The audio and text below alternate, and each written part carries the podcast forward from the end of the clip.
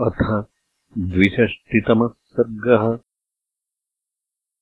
लवणवधार्थम् शत्रुघ्नप्रेषणम्। तथोक्ते तान् ऋषीन् रामः प्रत्युवाच कृताञ्जलिः। किमाहारः किमाचारो लवणः क्व च वर्तते।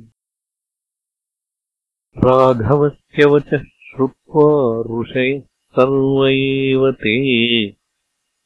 ततो निवेदयामासुः लवणो वोरुधे यथा।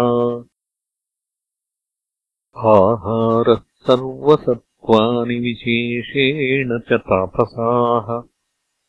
आचारो रौद्रता नित्यम् वासो मधुवने तथा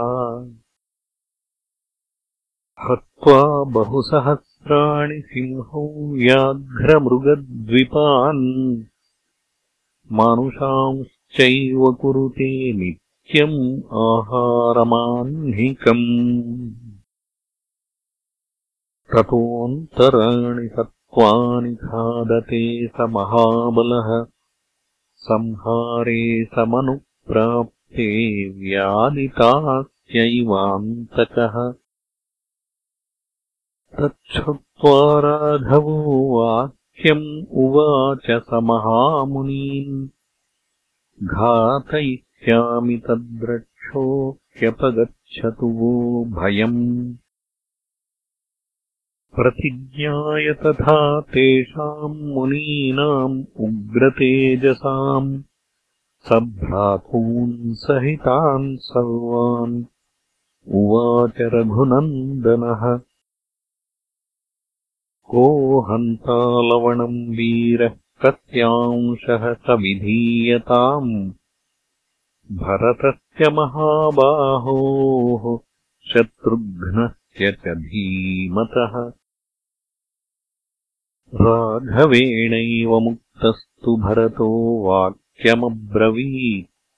अहमेनम् वधिष्यामि ममांशस्तविधीयताम्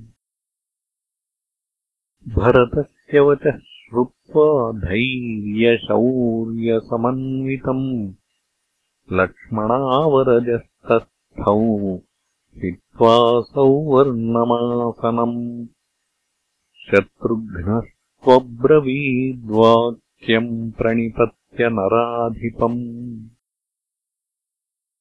कृतकर्मा महाबाहुः मध्यमो रघुनन्दनः आर्येण हि पुरा शून्या त्वयोध्या परिपालिता। सन्तापम् हृदये कृत्वा आर्यस्यागमनम् प्रति। दुःखानि च बहूनीह ह्यनुभूतानि पार्थिव। शयानो दुःखशय्यासु नन्दिग्रामे वसत् पुरा फलमूलाशनो भूत्वा जटीचिरधरस्तथा अनुभूयेद्भृशम् दुःखम् एष राघवनन्दनः।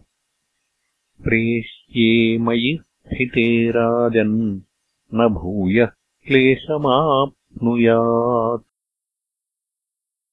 तथा ब्रुवति शत्रुघ्ने राघवः पुनरब्रवीत्।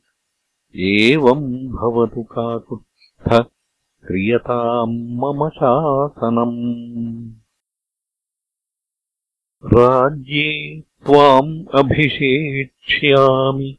मधोस्तु नगरे शुभे। निवेशय महाबाहो। भरतम्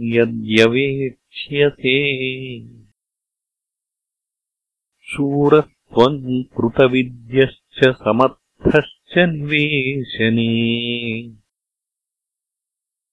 यो हि शत्रुम् समुत्पाट्य पार्थिवस्य पुनः क्षये। न विधत्ते नृपम् तत्र नरकम् स हि गच्छति। स त्वम् हत्वा मधुसुतम् लवणम् पापनिश्चयम् राज्यम् प्रसाधिधर्मेण वाक्यम् मे यद्यवेक्षसे। उत्तरम् च न वक्तव्यम् शूरवाक्यान्तरे मम बालेन पूर्वजस्याज्ञा कर्तव्या नात्र संशयः अभिषेकम् च काकुत्स्थ। प्रतीक्षस्वमयोद्यतम् वसिष्ठप्रमुखैर्विप्रैः विधिमन्त्रपुरस्कृतम्। इत्यार्थे श्रीमद्रामायणे वाल्मीकीये आदिकाव्ये उत्तरकाण्डे द्विषष्टितमः सर्गः